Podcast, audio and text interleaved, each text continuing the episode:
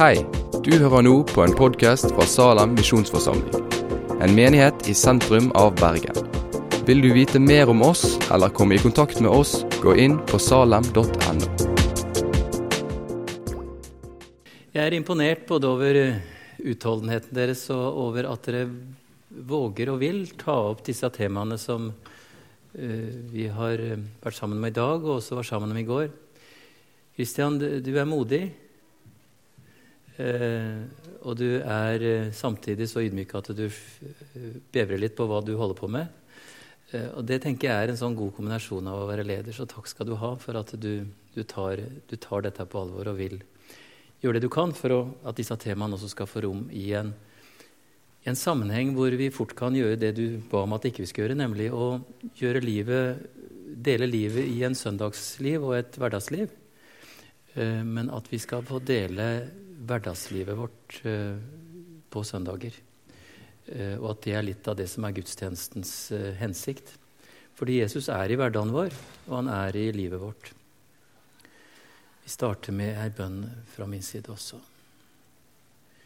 Herre, du du vet også hva skam er,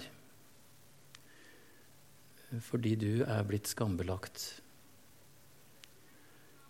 Du vet også hva vår skam er. Du vet også hva som du har gitt oss, som skal hjelpe oss til å bevare vår verdighet, vår storhet, eh, vår verdifullhet, sånn som du har skapt oss med og tenker om oss på. Vi ber om at vi skal være sammen om det og, og um, dele viktige biter av hva det er å leve og hva det er å leve sammen med deg i dette her. Amen.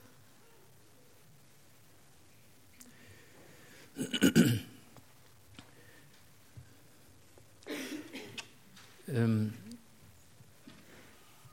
jeg skal som dere skjønner, ta for meg det temaet som heter krenkelser og skam. Og nå har vi snakka ganske mye om Eller vi snakka en del om, om, krenkelser.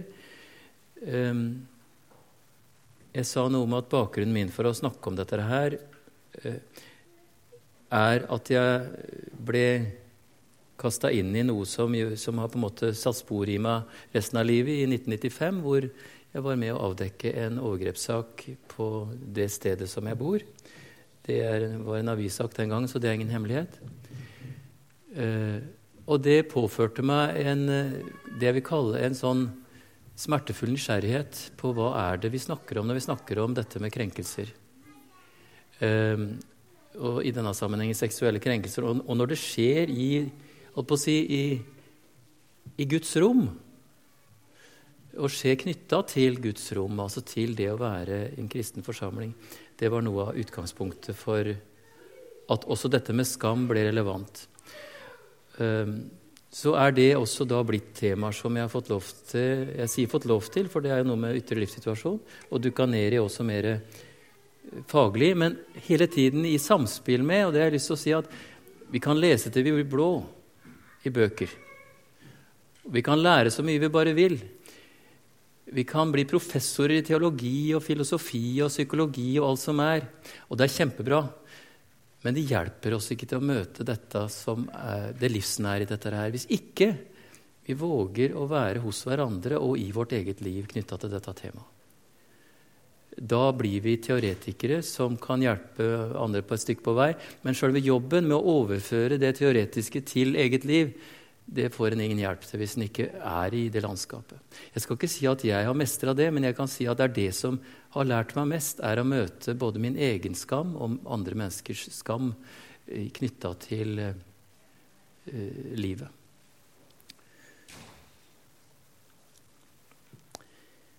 Skam Det er jo grådig aktuelt, da. Det er jo en, en, en, en fjernsynsserie som har virkelig satt skam på dagsordenen og, brakt dette inn som et ord som, som vi tror liksom at det har vært et sånt sentralt begrep, begrep og et innhold over lang tid. Det har det ikke vært. Eh, for 16 år siden så drev jeg med en hovedfag innenfor diakoni. Eh, og da kom det ut ei bok i år 2000 som het Skam. Det var den første fagboka i Norge som behandla temaet skam. Altså Det er 16 år siden. Før den tid så var det ikke, i, i, Internasjonalt så var det jobba en del med det. Men, men, det sier noe om at det temaet faglig sett var ukjent i det norske landskapet. Ikke i behandlingsapparatet, det tror jeg alle som har jobba med mennesker, vet. Men, men, å på en måte finne et språk, finne en måte å tenke om det på, eh, det var helt nytt. Og Trygve Willer, som var redaktør for den antologien som kom ut da, og en av de som jeg hørte på og leste også artiklene hans på det, det var Finn Skårderud. Og han sa når han snakka om dette her, at det var første gangen jeg dukka ned i min egen skam, sa Finn Skårderud for, for 16 år siden en av våre mest anerkjente og kjente eh, psykiatere som har jobba med, med, med, dette i mange flere år enn 16 år. Så det sier noe om at dette er ikke sånt allemannseie som har vært i, i, i alle tider. Eh, det er tvert imot et ganske nytt tema. Og nå er det på dagsorden, og det er aktualitet til de grader. Og det har aktualitet også i livet våre. Det er jo derfor det har kommet så tydelig på dagsorden. Og det er flott. um, en liten sånn runde på hvilke assosiasjoner Og da må jeg si til dere som jeg sier når jeg snakker om dette til studenter, at ikke tenk veldig djupt, tenk veldig på overflata.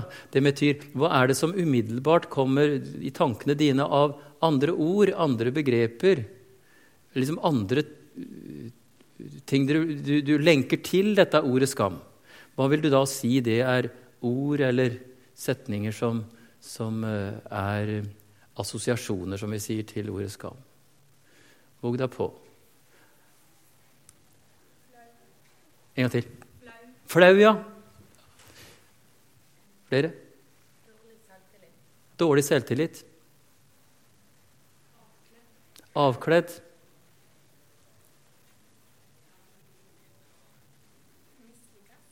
En gang til. Å mislykkes, ja. Bære på mislykkahet. Ja. Skyld. Spennende du sier. Vi skal se på det. Eh, også fordi at det er, det er så riktig det du sier, og så er det samtidig så viktig å se hva, hva som er forskjellen på skyld og skam. Men det er absolutt veldig viktig å lenke det til skam. Bra. viktige ord og sanne ord i forhold til skam som det er viktig å knytte an til det. De orda som dere har brukt, har handla om uh, hvordan det er å være menneske når en ikke får det til. Altså, De handler om det. Og så er skam heldigvis mer enn det. Uh, og det skal jeg komme tilbake til. Men, men det er viktig å, å nettopp å knytte disse orda dere sier, til skam. En historie en kvinne hadde jeg hatt samtale med over lang tid. Både henne og mannen de var i separasjon. De hadde strevd mange år, eller de hadde strevd mye, vil jeg heller si, for å finne ut av hvordan de kunne leve sammen. Og så hadde de kommet til at dette var et mislykka prosjekt, og de valgte å separere seg og skilles. Det var smertefullt. I separasjonstida så hadde jeg også samtale med denne kvinna, og hun kom til meg en dag og sa eh, at hun hadde blitt forelska, det hadde hun sagt tidligere, i en annen mann. Det var etter separasjon, så det var på en måte ikke konsekvens av det. Og så sa hun det at Og så har jeg gått over eh, mine grenser i forhold til seksuell relasjon til denne mannen. Hun sa ikke konkret hva det var, om det var liksom sånn eller sånn, men hun sa hun hadde gått over sine grenser. og Jeg, jeg tolka det dit hen at hun hadde hatt et, en seksuell relasjon, med eller uten samleie, men i hvert fall på en sånn måte at nakenheten var blitt for stor, på, også både fysisk og psykisk, til at hun kjente i etterkant dette var ikke riktig. Så hun kom til meg på en måte som en bekjennelse for å bekjenne dette her. Og ut fra det vi snakka sammen, så sa jeg at ja, det er jo sant, det du sier. Det er grunn til å gjøre det du kjenner på, nemlig skyld. For hun sa 'jeg kjenner meg skyldig'. Du har skyld. Du har gjort noe du, du ikke skulle ha gjort. Du har både kryssa dine egne grenser for hva som er rett og feil, Og du har, så langt jeg kan skjønne, også kryssa de grensene som både du og jeg tror på er etter Guds ord. Hun var kristen. Så ja, du har rett i at du er skyldig. Så spørsmålet mitt til deg er hva gjør du med det? Det er jo det viktige. Hva gjør du med denne skylda? Så var det en lang pause. Hun så ned, og til slutt så kom det et sånt dypt sukk hvor hun sa at Tormod, jeg kjenner meg alltid skyldig, jeg.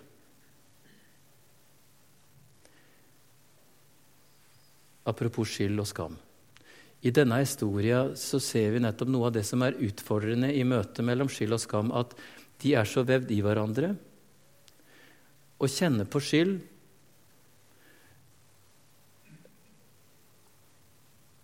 er jo nettopp å kjenne på noe som skyld er definerer til å være, nemlig at jeg har handla gærent. Jeg har gjort noe som ikke er riktig, og det er jeg ansvarlig for.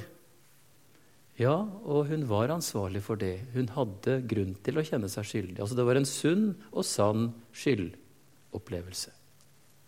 Så langt vi kunne finne ut av det sammen. Men så forlot hun på en måte det, og så hun, la hun trykket på en annen del av setningen i den uttrykket. sa at 'jeg har handla galt'. Med andre ord, det, er noe feil med meg. Fordi jeg kjenner meg alltid skyldig. Det er noe fundamentalt feil med meg, var det hun uttrykte. Som hun ikke kom til rette med. Hun nevnte dårlig sjølbilde, sjøltillit. Kanskje enda mer det du sa, opplevelsen av å være mislykka. Dette er den vonde skammen. Jeg skal komme tilbake til skamma mer enn det. Men den vonde skammen er nettopp sånn at den degraderer oss.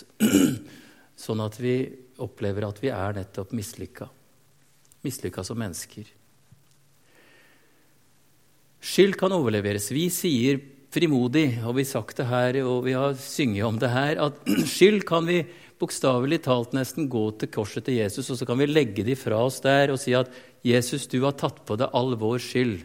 Omtrent som vi tar av oss en ryggsekk og plasserer den eh, hos Jesus og vet at han tar den, og han har båret den, så dermed så kan vi gå bort fri, og han har tatt med seg ryggsekken vår. Det er skyldas vesen og væren. Og det er, det er så flott. Utfordringen er at det samme kan vi ikke gjøre med skammen. For med en gang vi forlater korset, så tar vi med oss sjøl. Og skammen bærer vi på oss og i oss og med oss hvor enn vi går. Så hva skal vi gjøre med den? Jo, Det er derfor jeg sier at skyld kan overleveres. Den kan plasseres der den hører hjemme, i vår sammenheng, nemlig hos Jesus. Skammen kan ikke overleveres, men den kan omdannes, omplasseres, til å være noe annet enn skam. Det skal jeg også komme til. Nå hører jeg meg gjenta meg sjøl. Jeg skal komme tilbake til så mye rart. Dette tar tid. Nei, jeg skal, jeg skal love å holde tida på dette her så godt jeg kan, Kristian. Um, når du har jobba som eh, underviser en stund, så er du liksom innvevd på tre kvarter. Jeg vet ikke åssen det er. Jeg tror jeg skal greie den. Det er viktig å holde skyld og skam sammen, men det er viktig å ikke skille men sjeldne. Altså Det er viktig å, å ikke å, å, tenke at det er Og det er også viktig å ikke holde det sammen og late som det er én klump, for det er to veldig viktige uh, det, er, det, er to veldig viktige ulike dimensjoner i livet som gjør rett og slett fordi vi, skal, vi må møte hverandre og oss sjøl på ulike måter i møte med skyld og skam. Derfor er det så viktig å holde de fra hverandre. Vi må med andre ord ikke skille de fordi de, de er så vevd i hverandre, men vi må skjelne mellom de, så vi ser hva er hva i møte med hverandre. Og ikke minst i sjelesorgens rom så må vi greie å, å, å, å sondere litt på dette her, så vi kan møte hverandre på en god måte. Og nå snakker jeg ikke om bare hva Eivind holder på med, jeg snakker om hverdagssjelsorgen, som dere alle sammen holder på med når dere møter hverandre. og og prøver å være viktige personer inn i livet til hverandre. Skam. Jeg har lyst til å snakke litt varmt om det vi kan kalle den positive og sunne skammen. For det er faktisk sånn at Gud har skapt oss med skam. I en forstand. Han har nok ikke skapt oss med skam, for i utgangspunktet så var jo Adam og Eva nakne og trivdes med det. Med en gang synden kom inn i verden, så orka de ikke å være nakne. Eh, men i den situasjonen så skapte Gud skammen i den forstand at han fysisk ga Adam og Eva klær å ha på seg for å skjule sin skam. Han ga de hjelpemidler for å leve med sin skam på en god måte. Med andre ord, han har gitt oss muligheter til å oppdage og leve uh, med noen mekanismer i oss som vi er skapt med, for å kunne ta vare på oss sjøl, altså det som kan kalles beskyttelsesskam. Det er rett og slett det enkle faktum, Christian, hvis jeg får bruke deg som et uh, eksempel, hvis du reiser deg. Det enkle faktum at det er rimelig begrensa hvor nær du syns det er behagelig å ha meg. Er det ikke? Det stemmer, det. Og det kjenner vi jo rent fysisk. takk skal du ha, På kroppen. ikke sant? At vi kjenner at vi, vi vil ikke ha folk så tett innpå. I hvert fall vil ikke jeg ha Kristian så tett innpå. Han ikke meg heller. Kona mi kan jeg godt tenke meg å ha så nær, men, men ikke deg. ikke sant? Vi har, vi har noen sånne rammer rundt oss som er helt tydelige. Og vi kjenner det i kroppen vår. Vi kjenner et ubehag. Det er den beskyttelsesskammen, vi kan kalle det. Det er den hjelpa vi får av kroppen vår, av reaksjonene våre, til å oppdage at nå er jeg i et rom og i en måte å være på sammen med andre mennesker som jeg ikke vil være. Jeg vil ut av det. Eh, og det er på en måte de varsellampene som vi kan ta imot og ta på alvor, og ikke minst respektere i våre egne liv, for å kunne gjøre det som Eh, det handler om en verdibasert grensesetting i eget liv. Jeg kalt det. Altså at vi, vi, er rett og slett så verdifulle som vi er, og vi tar, tar, det på alvor. Det er ingen som har lov til og rett til å gå innafor de grensene. Og så er nettopp krenkelsen det at noen likevel gjør det, og vi har ingen maktmidler til å hindre det. Og vi er til og med manipulert gjennom den andres, makt, forstå, altså den andres maktpåvirkning av oss, tillitsmaktpåvirkning av at, at vi tror det er greit innimellom. Men så kjenner kroppen vår at dette er ikke greit. Det skal ikke være sånn. Og noen ganger så er det ikke greit, og vi veit det, men likevel så makter vi ikke å si nei. Og vi makter ikke å sette grensene pga. den andres makt. Men poenget er at dette er en, en, en beskyttelsesskam vi skal ta vare på. Og vi skal vise respekt for det. Derfor så er jeg litt bekymra, ikke for å være prippen, men jeg syns av og til når jeg ser folk som er vesentlig yngre enn meg, det betyr i tenåra stort sett, de har dere trodde, ikke, trodde jeg var ikke 20? Dere trodde det? Ja. Um, at de, de, har en så stor grad av fysisk nærhet at jeg blir bekymra. Ikke fordi at det er usunt å ha fysisk nærhet, men rett og slett fordi at hvordan kan dere greie å sette grenser hvis dere har behov for det? Hvis dere En gang kan dere jo synes det er ålreit å ha et menneske tett på fanget eller tett innat seg. Men andre ganger er det ikke sikkert den har en dag da det er så greit. Hvordan skal dere ut ifra en kultur hvor det på en måte ikke er hvor det er så alminnelig og lovliggjort, kunne markere at 'dette er ikke greit for meg'.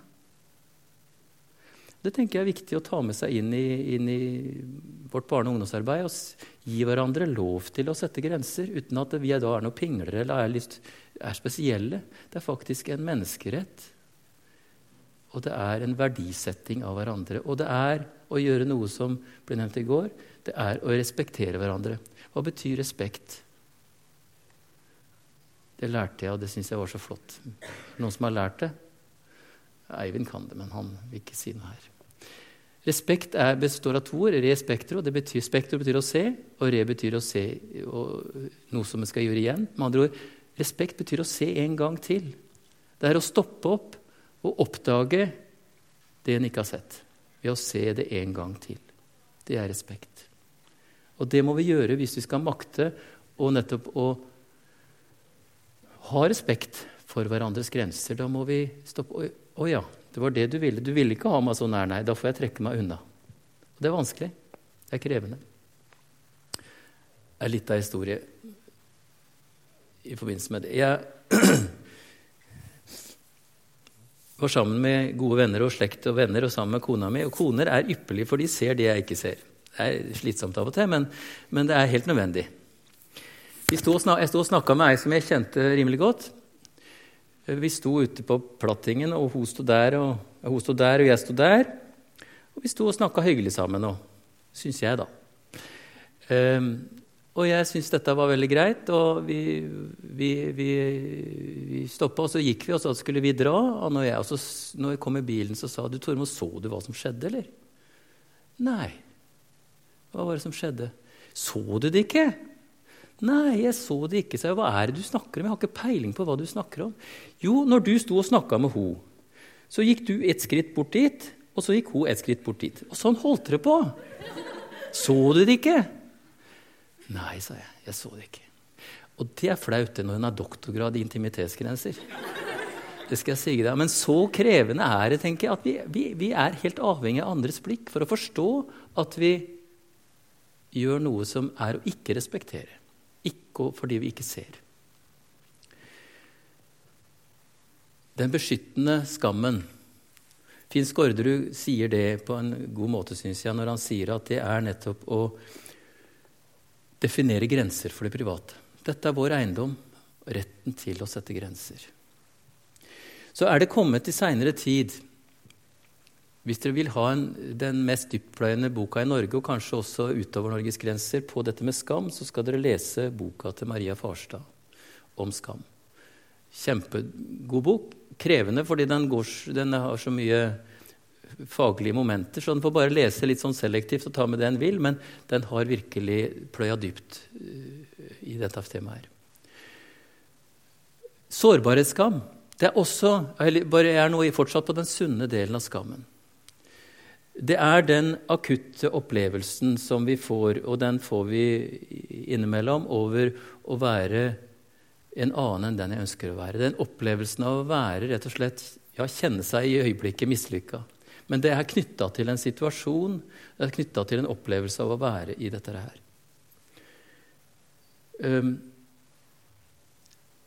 det er sunt, selv om det er vondt.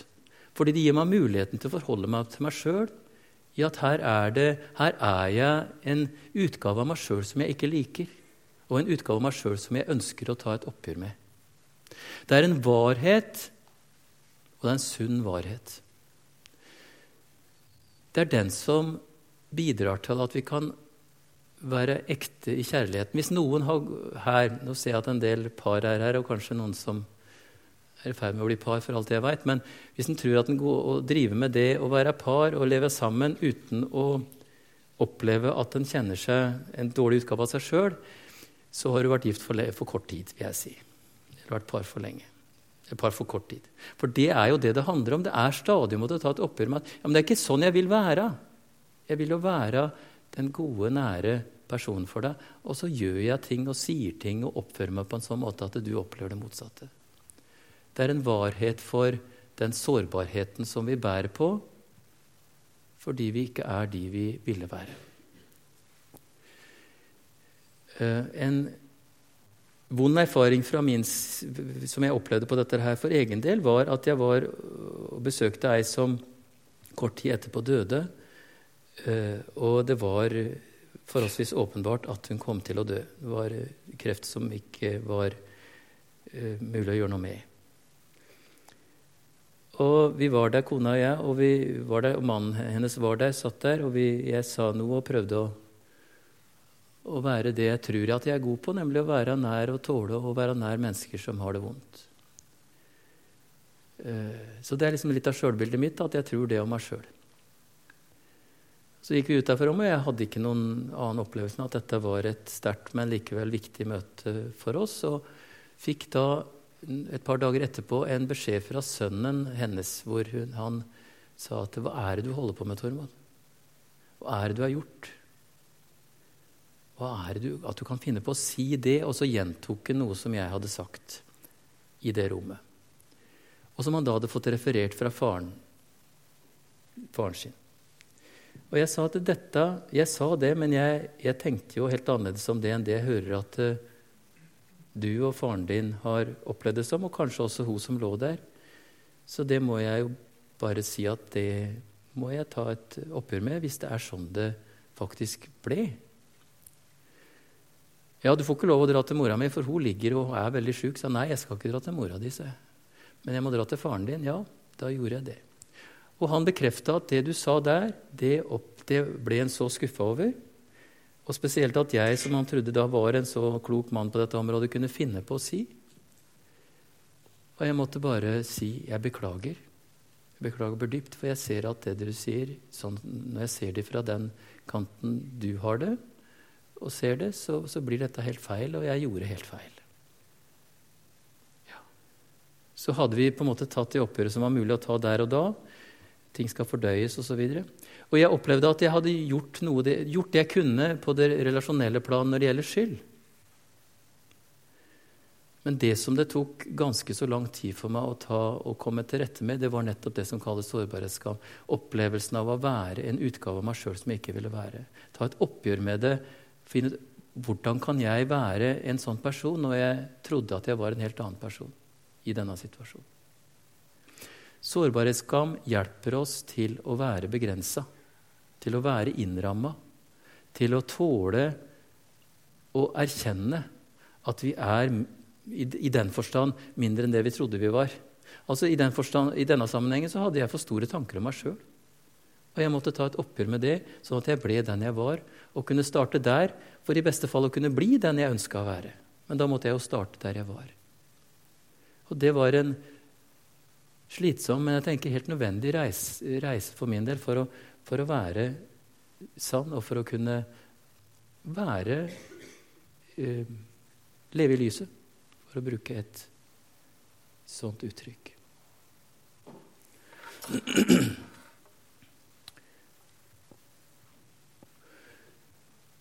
Det er en skam som ikke er sunn og sann.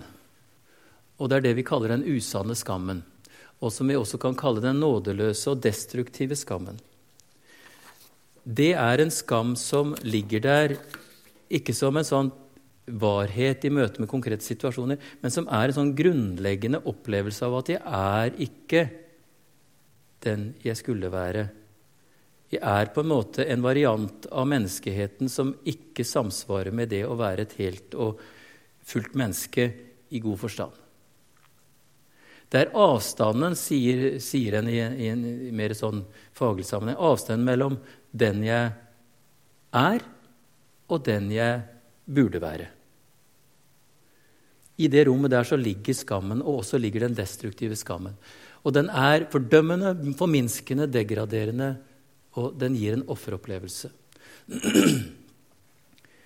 um, det er en som har sagt det sånn, som heter Stephen Pattison. Han sier at skammen oppleves som å leve i en ødemark av urenhet hvor jeg forgiftes av å kjenne meg uønska. Det er liksom et så sterkt uttrykk for å, en ganske, ganske sånn gjennomopplevelse av å være mislykka, for å bruke uttrykket. Det er et godt uttrykk. Å kjenne seg mislykka som menneske. Og den er usann, og den er usunn.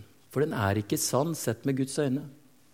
Og det er det viktige å formidle til hverandre, at dette her stemmer rett og slett ikke med hvordan Gud ser på oss. Um,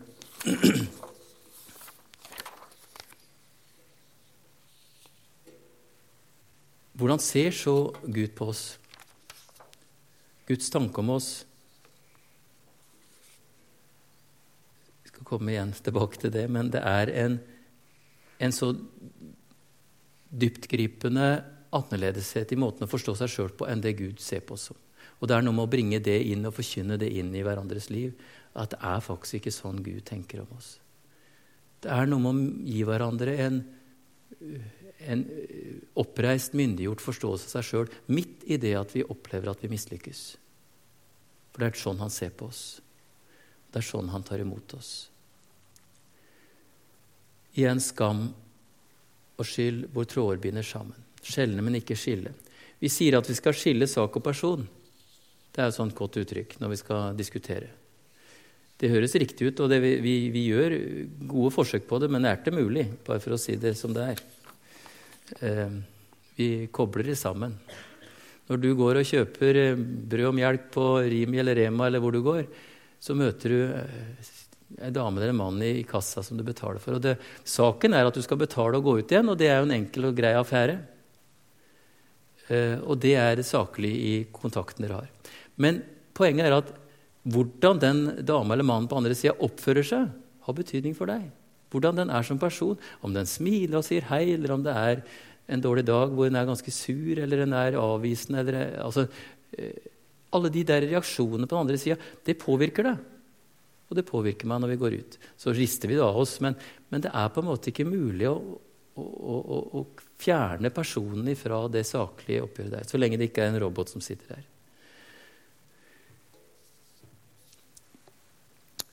Um, derfor så må vi være Derfor er det nettopp det er også en måte å synliggjøre at skyld og skam henger sammen. Skylda er selve saken, men skammen er personen. Og de to tingene er sammenvevd. I dette så møter vi jo nettopp utfordringa med den, den, den, destruktive skammen. Fordi den gjør noe med vår, både vår ansvarlighet og vår verdighet.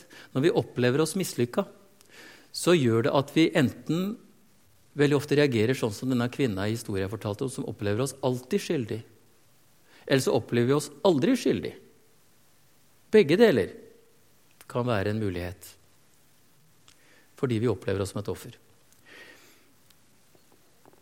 Ehm, vi ser det Jeg jobba med i behandlingsinstitusjonen for rusmisbrukere, og der ser vi noe av det mønsteret i en sånn litt stereotypisert alkoholikerektepar. At han gir alle andre skylda for at han drikker. Det kan være kona, det kan være ungene, det kan være jobben, det kan være omstendigheter. det kan være veldig mye rart, Men det er i hvert fall ikke hans skyld. Mens kona hun tar på seg all skyld og prøver på alle måter å hindre at han drikker. Og hver gang han likevel drikker, så er det fordi hun ikke gjorde god nok jobb. Altså tar på seg all skyld for at dette skjer. Det er det man kaller medavhengighet og denne samspillet, det destruktive samspillet. Dette er noe av hvordan den destruktive skammen på en måte gir oss en sjølforståelse av at vi enten aldri er skyldig eller alltid skyldig. At det blir litt sånn globalt, som vi sier. Altså at det omfavner alltid livet vårt. Ehm. Det er her vi trenger å bruke vår kristne tro på en klok måte i møte med dette her. Og Da synes jeg det er en måte å uttrykke det i møte med, med skylda er at Jesus døde for deg fordi det var nødvendig. Det var den eneste muligheten for at du og jeg skulle kunne kalle oss Guds barn. Han tok et oppgjør med det som var nødvendig, og det var ingen andre som kunne gjøre det. Jesus døde for oss fordi det var nødvendig. Derfor så har han rydda opp i skylda vår. Men det er også en annen grunn til at Jesus døde. Og det er fordi han syns vi var verdt det. Fordi han syns at det var så viktig for han å ha fellesskap med oss at han valgte det. Altså Den understrekninga som Bibelen har, er at, at, Guds og Jesu valg om å ta dette oppgjøret var frivillig, var et valgt oppdrag, ikke fra mennesker, men fra hans side. Helt uavhengig av mennesker. Mens enda mennesket var synder, så valgte Gud. Det sier noe om at han tenker om oss at vi var verdt å dø for. Hver enkelt av oss. Altså Den verdiggjøringa som det ligger i det av hvem vi er i Guds øyne, er nettopp Guds oppgjør med vår skam av å ikke være verdig.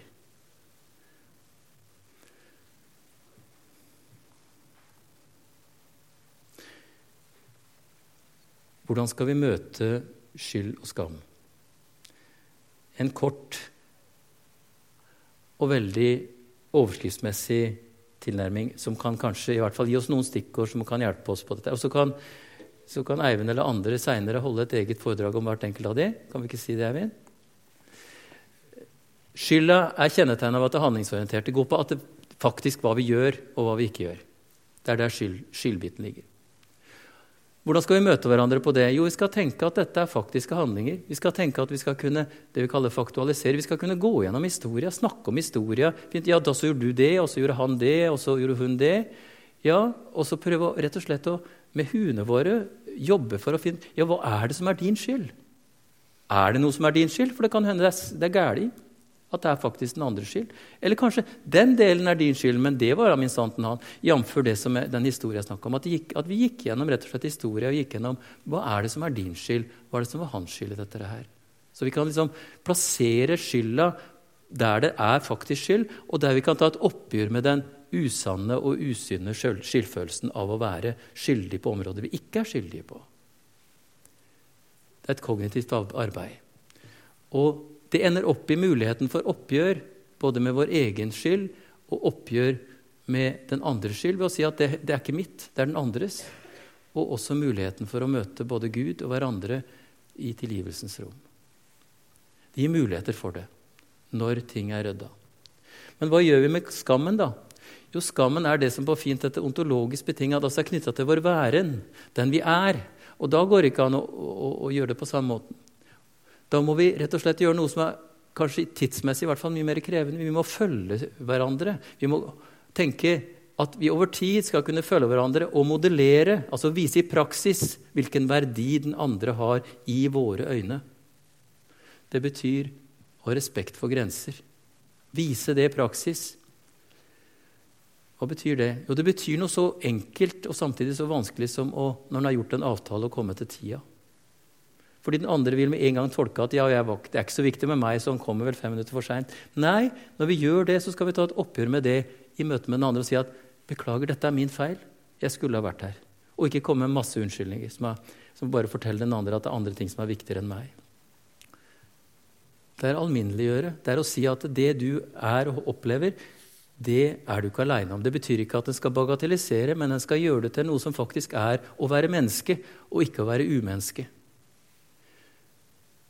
Og en skal bidra til ansvarsplassering. For skammens rom består mye av påført skam. Det betyr at en skal si at denne skammen du opplever, er påført deg. Den er ikke din.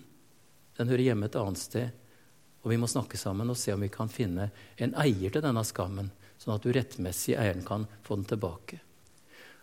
Og det er også å gi mennesker lov til å være begrensa. Mange sliter med at de slapp folk på innsida av livet sitt som de ikke skulle ha slippe inn. Og tenker 'Hvordan kunne jeg ha tillit til den drittsekken?' tenker de. Når den har oppført seg sånn imot meg. Du hadde tillit fordi at du så det du så, og du var ikke i stand til å se noe mer. Fordi du er som alle andre mennesker begrensa. Du så det du så, og det gjorde at du fikk tillit. Og så viste det seg at han eller hun misbrukte den tilliten. Men det var du ikke i stand til å se det er å bekrefte menneskeverd. Til slutt Nå skal jeg si noe som jeg ikke vet om er riktig. Det har jeg for så vidt holdt på med ei stund. Men, men, eh, men jeg, dette er på en måte litt sånn nytt, ny, ny, nytanker for meg. Derfor må dere også Jeg har lyst til å si det sånn, for da, da kan dere også si Nei, dette du kan jo tenke sånn, kan dere si det. Og det må dere gjerne si. Men vi, dette med skriftemål har vi jo for så vidt uh, kvitta oss med etter at uh, Luther overtok, det burde vi i mye større grad ta inn igjen. Og det håper jeg at dere har fått inn her også. At det er lov å gå og fortelle en annen menneske om den er gjort galt, og få rydda opp, som kan på en måte være i Guds sted, og si at ja, nå har du bekjent. Nå kan du også ta imot eh, konkret via en annen person absolusjon, som det heter. Altså at en tilgir på vegne av Gud. Når han har fått snakka igjennom det og plassert det. Katolikkene er mye mer eh, erfarne på dette, her, så de, de tar ikke bare historie og så sier at ja, nå kan vi be om tilgivelse. De går gjennom den. Og så har de hatt en tradisjon med å skulle ha x antall av Mariaer. og så litt forskjellig sånn. Det skal ikke vi overta. Men vi kan overta det å nettopp å rydde i hva er det som du faktisk har ansvaret for, og hva er det du ikke har ansvaret for. Og Den jobben tror jeg vi skal bli flinkere til. Og vi skal øve oss på å tenke at skriftemål er noe som er også vårt. Igjen skyld. Skriftemål er i all hovedsak knytta til skyld. Den er også knytta til skam, men, men, vi oppfører oss som om den ikke var det, og det er det som bekymrer meg. Det er derfor jeg tar denne sveipen om skriftemål. Dette er måten vi gjør det på, som jeg nå har beskrevet. Han døde for oss. Han har tatt på seg all vår synd og skyld. Og vi kan bekjenne at vi har synda, og vi kan bli tilkjent tilgivelse. Ikke fordi den er, fordi den er Eh, ikke er, fordi den er betingelsesløs, men fordi han har gitt oss den uten betingelser. Fordi han har gjort opp for alt. Gud sier 'jeg tilgir deg'. Og samtidig, og det har jeg også lyst til å streke under, er det et kolon og ikke et punktum. Den tilgivelsen er den hjelpa som en skal gi folk til å si ja, hva, nå er du tilgitt av Gud, hva vil du gjøre med det? Hva vil du gjøre med den du har ramma? For det er veldig ofte andre mennesker enn er ramma. Stille spørsmål. Det at du nå er tilgitt, betyr ikke at du dermed er fri for ansvar for det du har gjort. Det som nå er ditt ansvar, det er å bære konsekvensene så langt du kan, så den andre som du har ramma, skal slippe resten av livet å bære konsekvensene. Og den jobben er vi også kanskje for dårlige til. Vi sier ikke mer. Fordi Guds tilgivelse er å reise opp et menneske. Det å reise opp et menneske er også å bidra til å si at nå kan du bære det som du er ansvarlig for. Og du har fått hjelp av Gud til det. Som et oppreist menneske, ta ansvar og stå oppreist og ta også konsekvensen av at du kanskje ikke er verdig den tilliten som er gitt deg i misjon, i kirke, i andre sammenhenger, og at du derfor ikke skal stå i den tillitsposisjonen. Og ikke minst gå til den som du har ramma, og rett og slett spørre hva kan jeg gjøre for å bære konsekvensene, så du slipper det. Om ikke direkte, så kan vi andre. At en kan formidle det. Skammen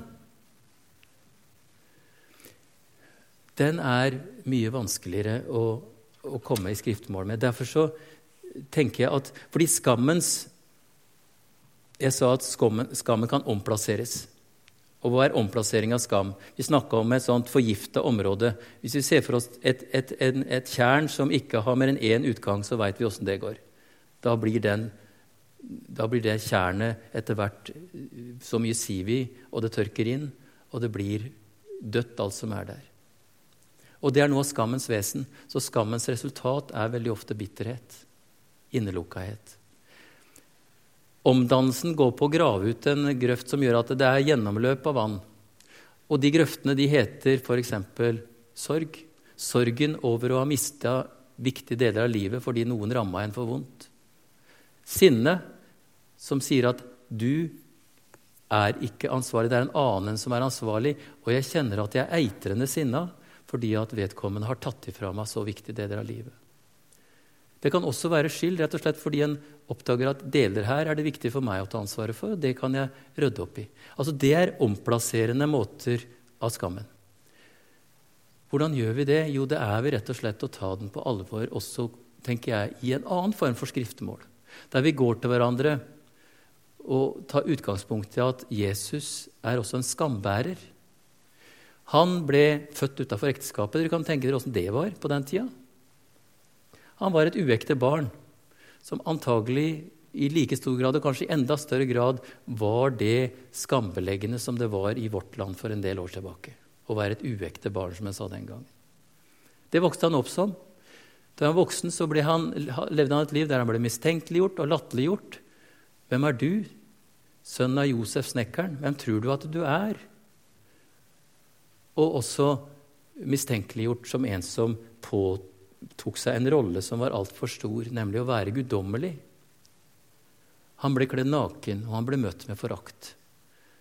Jesaja 50, 53 er en beskrivelse som beskriver mye bedre enn mange andre ord hva egentlig Jesus gjennomlevde. Og han ble hengt på det som kalles skammens tre. Korset var skammens tre. Altså Han bar også vår skam. Han levde vår skam, og han bar vår skam. Og han kjenner skammens vesen og væren på sin egen kropp. Derfor kan vi med frimodighet komme i skriftemål og bekjenne ikke hva vi har gjort, men hva andre har gjort imot oss. Hva andre har synda imot oss. Med den smerten og med den opplevelsen av både skyld og skam som det bærer med seg. Og så blir formidla Guds posisjon. 57,15 siterte jeg i går. At Gud er hos den som er sønderknust og nedbøyd. Det er der han befinner seg, og der befinner han seg hos deg. Gud sier, 'Jeg er hos deg', og bekrefter at du er skambelagt. Jeg bekrefter din verdighet, og jeg deler din smerte. Og jeg tar din skam og hjelper deg til å omplassere den til å bli noe annet, til å sørge ut det vonde. Jeg tåler ditt sinne, jeg sitter sammen med 15 gutter som har beskrevet på veldig ulike måter åssen en skal få tatt livet av overgriperen. Det er ganske tøft, men da er det om å gjøre å holde kjeft. Jeg tenker Det er helt, en helt naturlig måte å få ut sinnet på. Det er i hvert fall for den gjengen der å beskrive det. Den samme gjengen var absolutt opptatt av at han ikke skulle ta livet av seg når det var rettssak. Så det er ikke snakk om handling, det er snakk om å få ut de vonde følelsene. Da må vi tåle at det blir sagt ting som ikke er så veldig pent og vakkert. Rett og slett for å få sagt høyt hvor sinna og hvor mye det ligger av, av, av frustrasjon, av, det, av, den vonde opplevelsen i oss. Jeg bekrefter din verdighet og deler din smerte. Da stopper jeg.